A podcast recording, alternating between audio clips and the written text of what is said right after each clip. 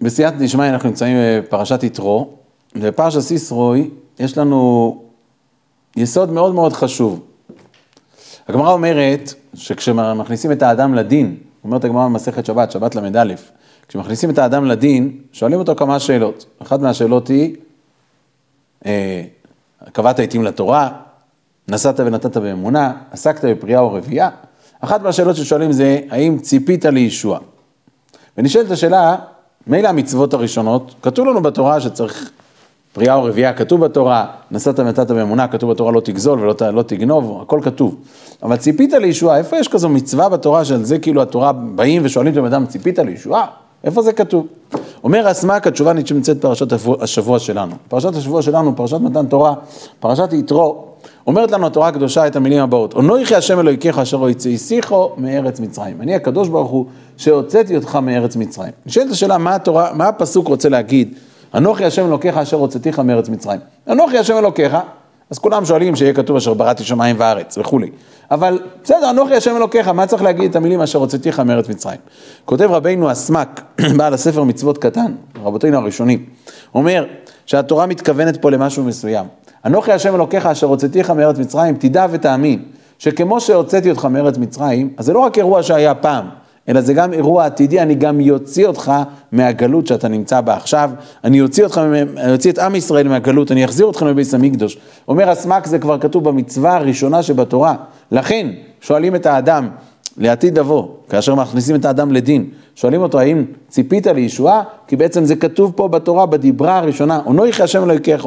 ונשים לב שאם זה רמוז פה, הווה אומר שיש לזה חשיבות מאוד מאוד חשובה, כי אם התורה בוחרת להשמיע לנו את העניין הזה של ציפייה לישועה דווקא במקום הזה, של אנוכי השם אלוקיך, יסוד היסודות, יסוד היהדות, שיש בורא שמנהיג את העולם, דווקא פה הקדוש ברוך הוא, חשוב לו להדגיש, תקשיבו טוב, אשר הוצאתיך מארץ מצרים, אני גם יוציא אותך מהגלות, ציפית לישוע. בביאור העניין הזה שציפית לישועה, כותב לנו רש"י הקדוש בשבת, דבר מאוד מעניין. יש הרבה אנשים שמבינים את הדברים האלו בהבנה של, מה שנקרא בשפה של ימינו ילד חיידר. בהבנה בסיסית, ציפית לישועה? התשובה היא ודאי כן, מי לא מצפה לישועה? כל יהודי מצפה לישועה. אני מאמין באמונה שלמה, מביאת המשיח, כולנו מאמינים. אבל רש"י אומר מילים אחרות. ציפית לישועה לדברי הנביאים. זאת אומרת, אומר רש"י, אנחנו צריכים לצפות לישועה, לראות, לחפש ולראות ולהאמין האם דברי הנביאים מתקיימים. לא מספיק באופן כללי ציפייה, כן, יבוא יום והכל יהיה בסדר. לא, צריך לצפות לדברי הנביאים. הר"ן כותב בפירושו, הפירוש המיוחס להר"ן על דברי הגמרא, הוא אומר עוד כמה מילים וזה נותן לנו עוד, עוד פוקוס לעניין. הוא אומר ככה, ציפית לישועה שתהיה בימיך. זאת אומרת, כולם מאמינים שתהיה ישועה, הוא אומר מי שלא מאמין ביאת המשיח אז הוא אפיקורס, הוא לא מאמין בדברי חז"ל הקדושים, בדברי הפסוק שאמר שיה, שתהיה גאולה, אבל בסדר, יש אנשים שאומרים בסדר, אתה יודע מה, עוד 200 שנה, כשנהיה, או שאפילו בימינו, אבל כשנהיה בני 120 בעזרת השם, ככה בסוף הימים, אז נתפנה לחשוב על זה. אומרת לך התורה, לא, ציפית לישועה שתהיה בימיך, בזמן שלך, תצפה לישועה, לישועה הפרטית ולישועה הכללית שעליה אנחנו רוצים להתמקד, לדברי הנביאים כדברי רש"י, ולצפות לישועה שתהיה בימיך כדברי הר"ן. עם ישראל בשנים האחרונות חווה סדרה של אירועים, רצף של אירועים שהמכנה המשותף שלהם, נשים לב, המכנה המשותף שלהם זה אירועים שקורים באמצע אירועי שמחה, ושבבת אחת האירועים נפסקים בטראומה, בטרגדיה. זה התחיל, שימו לב, זה, בואו נשים לב, היה הרבה צרות בעם ישראל, זה לא דבר חדש, אבל בתוך אירועי שמחה, בבת אחת, סדרה של אירועים שמפסיקים, זה קורה, זה קרה בשנים האחרונות כמה וכמה פעמים. זה קרה במירון, זה קרה בקרלין, שבועיים אחר כך, וזה קרה כמו שנגיע בהמשך לכמה וכמה דברים נוספים, בואו נשים לב. אז ננסה לקיים את דברי רש"י ודברי הנביאים, את דברי חז"ל, ציפית לישועה לדברי הנביאים, ננסה לקחת משהו שכתוב בדברי הנביאים ולנסות לקשר אותו למה שקורה בימינו, ננסה ונראה אם אנחנו באמת מתחברים ואולי באמת נבין מה באמת הנביאים הקדושים אומרים לנו, מה אנחנו צריכים לעשות. כולנו מבינים שהמצב הזה לא אמור להימשך לנצח. רחמנא ליצלן, רק בשב... לפני שבוע חווינו 30 הרוגים בעזה, בחורים קשרים ויהודים טובים, שסך הכל רחמנא ליצלן יצאו להילחם בשביל מה? בשביל לשמור על השלווה של עם ישראל בארץ ישראל, ורחמנא ליצלן חזרו משם בארונות אה, מתים, או כאלו שנפצעו שם, השם ישמור קטועי גפיים, רחמנא ליצלן ושזבן. מה אנחנו צריכים לעשות? אז בואו נשים לב כמו שאמרנו. מירון, ל"ג בעומר תשפ"א, עם ישראל חזר למירון אחרי הקורונה, שנת תש"פ, מירון הייתה סגורה, עם ישראל חזר למירון אחרי, אחרי הקורונה, שמחה גדולה. ובאמצע השמחה הגדולה, בבת אחת, אחרי שרבבות אלפי ישראל שרים באמונה, בהתרגשות שלמה, אני מאמין באמונה שלהם מביא עשה משיח, פתאום מה קורה? קורה כזה אירוע טר, טראומטי, 45 הרוגים בתוך דקות ספורות, וכל אלה שהיו שם תיארו את המצב, שלא היה מצב, אבל לא היה אפילו את מי להציל, זה היה החייאה וקביעת מוות, החייאה וקביעת מוות, רחמנא לישזבן. נשאלת השאלה, מה קורה פה? עם ישראל כולו היה תחת הרושם של הזעזוע, ופה אני רוצה להתמקד בדברי הנביא, שהנביא כותב לנו דברים שבוא נשים לב, לכאורה הם קורים, מתרחשים אחת לאחת לנגד עינינו. הפסוק אומר לנו ככה, ישנה הפטרה בנביא הושע, זה הפטרה של שבת פרשת במדבר. אז בואו נקרא את, את הפסוק ונשים לב לדברים. שבת פרשת במדבר, שבוע וחצי אחרי אסון מירון, עם ישראל כולו תחת הטראומה, זה היה אירוע טראומטי מאוד מאוד, כולם תחת הרושם של הדברים. אני יושב בבית הכנסת ואומר את ההפטרה של פרשת במדבר. ההפטרה של פרשת במדבר זו הפטרה שכולם אומרים אותה, אשכנזים וספרדים אומרים אותה הפטרה. ואז הפסוק מתאר סיטואציה כזו, הושע, הושע פרק ב', אני קורא את הפסוקים הרלוונטיים, יש שם אריכות. והיה מספר בני ישראל ככל הים אשר לא יימד ולא ייספר. והיה במקום אשר יאמר להם לא עמי אתם, יאמר להם בני אל חי. ונקבצו בני יהודה ובני ישראל יחדיו, ושמו להם ראש אחד ועלו מן הארץ, כי גדול יום יזרעאל. אומר התרגום יונתן בן עוזיאל, שחשוב לשים לב לדברים שלו, כי התרגום יונתן בן עוזיאל, כמו שכתוב לנו בחז"ל, הוא בעצם תרגום מדויק של הדברים, עד כדי כך שכאשר הוא רצה לתרגם את הנביא דניאל, את דניאל, לא הרשו לו משמיים, כי כתוב שם את קץ הגאולה, ולא רצו שהוא יתרגם. ויהיה מניין בני ישראל ככל הים, ויתכנסו בני יהודה ובני ישראל, וימנו ראש אחד, ויעלו מן הארץ, הרי גדול יום האסיפה שלהם. מוכח בדברי התרגום מיותר מנוזיאל שהפסוק הזה מדבר על אירוע, על שלב שעם ישראל יחזור מן הגלות והוא יתכנס לארץ ישראל. אז הפסוק מתאר סיטואציה שעם ישראל יחזור לארץ ישראל, יתמקם בארץ ישראל, הוא יהיה שקוע בחיים הטובים, לכן כמו שהפסוק אומר, ארלך אחרי מאהבי, נותני לחמי ומימי, צמרי ופשתי, שמני ושיקויי. עם ישראל ישתרש בארץ ישראל, יישב בארץ ישראל, וכסף הרביתי לה וזהב עשו לבעל, וכולי וכולי. ואז הקדוש ברוך הוא אומר חמישה, פסוק, והשבעתי כל משושה, חגה, חודשה ושבתה, וכל מועדה. יושב אני הקטן בבית הכנסת, ואומר את ההפטרה הזו, ואני אומר לעצמי, ריבונו שלום, מה כתוב פה? והשבעתי כל משושה. המשוש, הששון, שמן ששון מחבריך, האירוע של רבי שמעון בר יוחאי, שמן ששון מחבריך, השבעתי, בבת אחת הקדוש ברוך הוא עצר אותה. ואז אני שם לב לפסוק שבעצם במילה משושה, יש פה איזה רמז מסוים, כי ההתחלה והסוף של המשושה זה מ"ה 45 כמניין 45 יהודים שעלו לשמיים באותו אירוע בל"ג בעומר. ואז אני הקטן אומר לעצמי, ריבונו של עולם, רק שהחגה לא יושבת, כי המשך של הפסוק הוא חגה. למחרת, יום ראשון בשבוע, ערב חג השבועות, אירוע מעמד חנוכת הבית בבית הכנסת של חסידי קרנין בגבעת זאב, אירוע גדול, כל הציבור הגיע. היהודים מתכנסים לשמוח בחנוכת בית הכנסת, להתכנס בצל האדמו"ר בחג השבועות.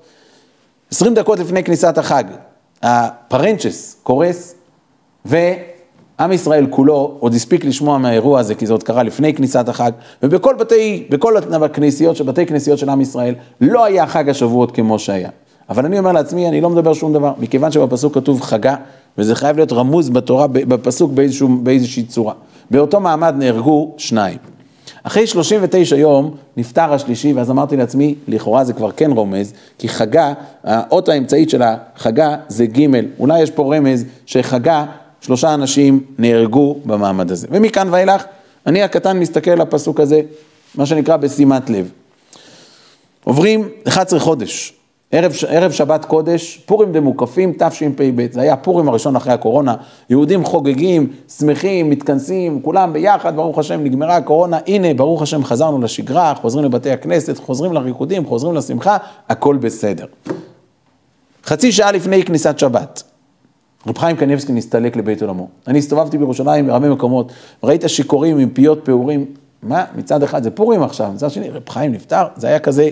מצב כזה של שני ניגודים בולטים שבאמצע השמחה, שוב, עוצרים לנו את השמחה. ואני מסתכל בפסוק ואומר, תראה מה כתוב פה, חודשה ושבתה. איזה חודש זה חודש של עם ישראל? כתוב בפסוק החודש הנהפך מיגון לשמחה, זה חודש אדר. ושבתה בכניסת השבת. מה קורה? שוב עוצרים לנו את השמחה. ומכאן ואילך, כבר כמעט בטוח לי שהפסוק מדבר על זה, דרך אגב, אם חיפשנו רמז, אז גם פה יש רמז, חודשה בגימטריה שי"ז, אם הכולל, כידוע בדברי חז"ל בגמרא, אפשר להוסיף עוד אחד, שזה יוצא ביחד שי"ח, איך היה חותם רב חיים קנייבסקי? שיח באגרי קנייבסקי. ומכאן ואילך, כמו שאמרנו, אני מסתכל על הפסוק. בהמשך של הפסוק אומר וכל מועדה, ומסביר, ישנו הפירוש על הספר מערי קרא, שאומר וכל מועדה, מועדיה שבדתה מליבה. זאת אומרת, המועדים שהמציאו, אנשים המציאו מליבם, זה גם את זה אני אשבית. ואז אני אומר לסובבים אותי, אני אומר, אני מפחד מיום העצמאות, המועדים שבדו מליבם, שקרבו בה. יום העצמאות באותה שנה חל ביום חמישי, ד' אייר, זה היה יום עצמאות מוקדם, יום העצמאות כולו עובר בסדר והכל בסדר. אבל בליל יום חמישי, ליל יום שישי, ה' באייר, שזה התאריך האמיתי של היום שבדו מליבם, קורה פיגוע הגרזינים באלעד. חודרים מחבלים לעיר שלווה במרכז הארץ, עיר חרדית ורגועה כביכול, רחוק רחוק מהקו הירוק, מקום שגם מי שלא גר בקו הירוק הולך לגור שם, הכל בסדר, אבל מה קורה שם? נכנסים ורוצחים בצורה אגרסיבית ואכזרית שאין דוגמתה, דבר שלא היה בשום מקום. ואני מסתכל בפסוק, וכל מועדה. הקדוש ברוך אומר, אני אשבית, טק, טק, טק, טק, סדרה של אירועים.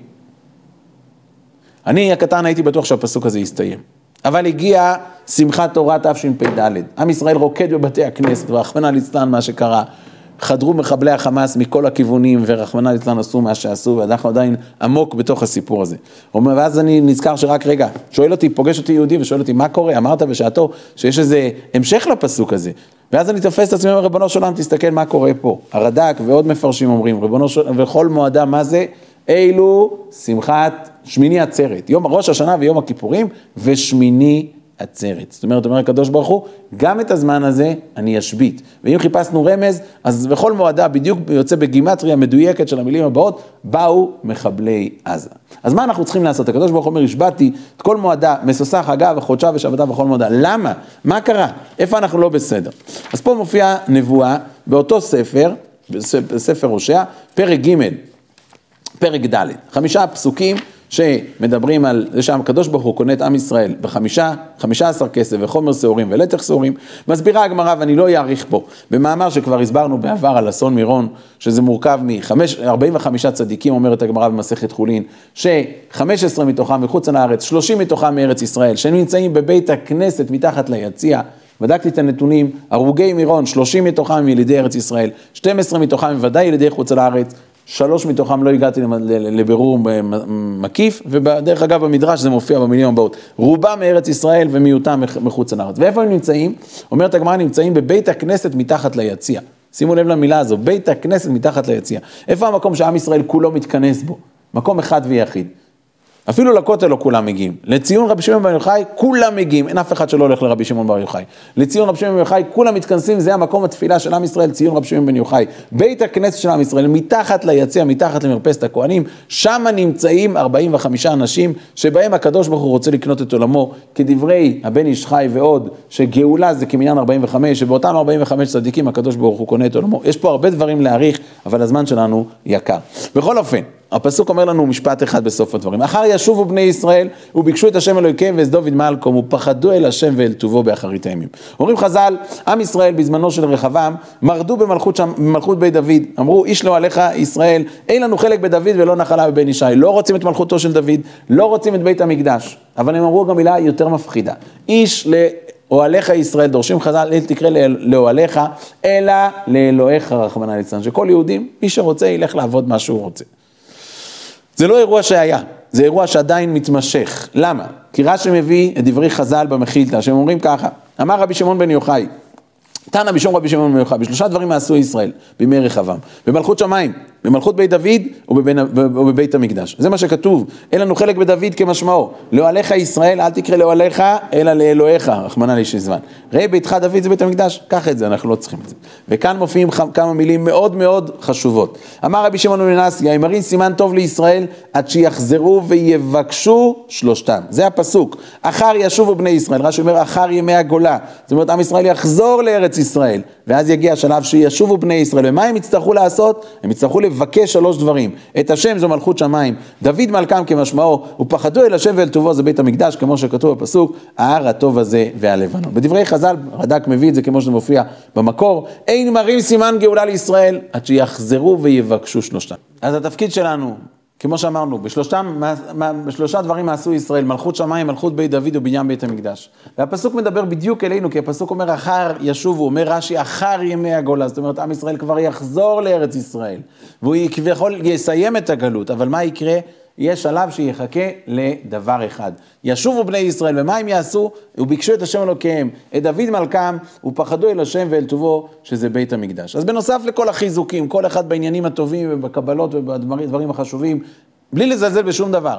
אבל יש משהו אחד ויחיד שהוא אמור להיות משותף לכולנו, לכל היהודים, בצורה משותפת. אחר ישובו בני ישראל, לפתוח את הפה ולהגיד, ריבונו של עולם, ביקשו, לבקש מאת השם יתברך. את מה? מלכות שמיים, מלכות בית דוד ובניין בית המקדש. כי זה מה שהנביאים הקדושים אומרים לנו שאנחנו צריכים לעשות. זו התורה הקדושה שאנחנו כולנו אומרים, אני מאמין שכל דברי נביאים אמת, זה דברים שנאמרו לנו בכדי שנדע איך ליישם את זה. אחר ישובו בני ישראל, וביקשו את אדוני אלוהיהם, ואת דוד מלקום, ופוחדו אל אדוני ואל טובוי באחריס היום.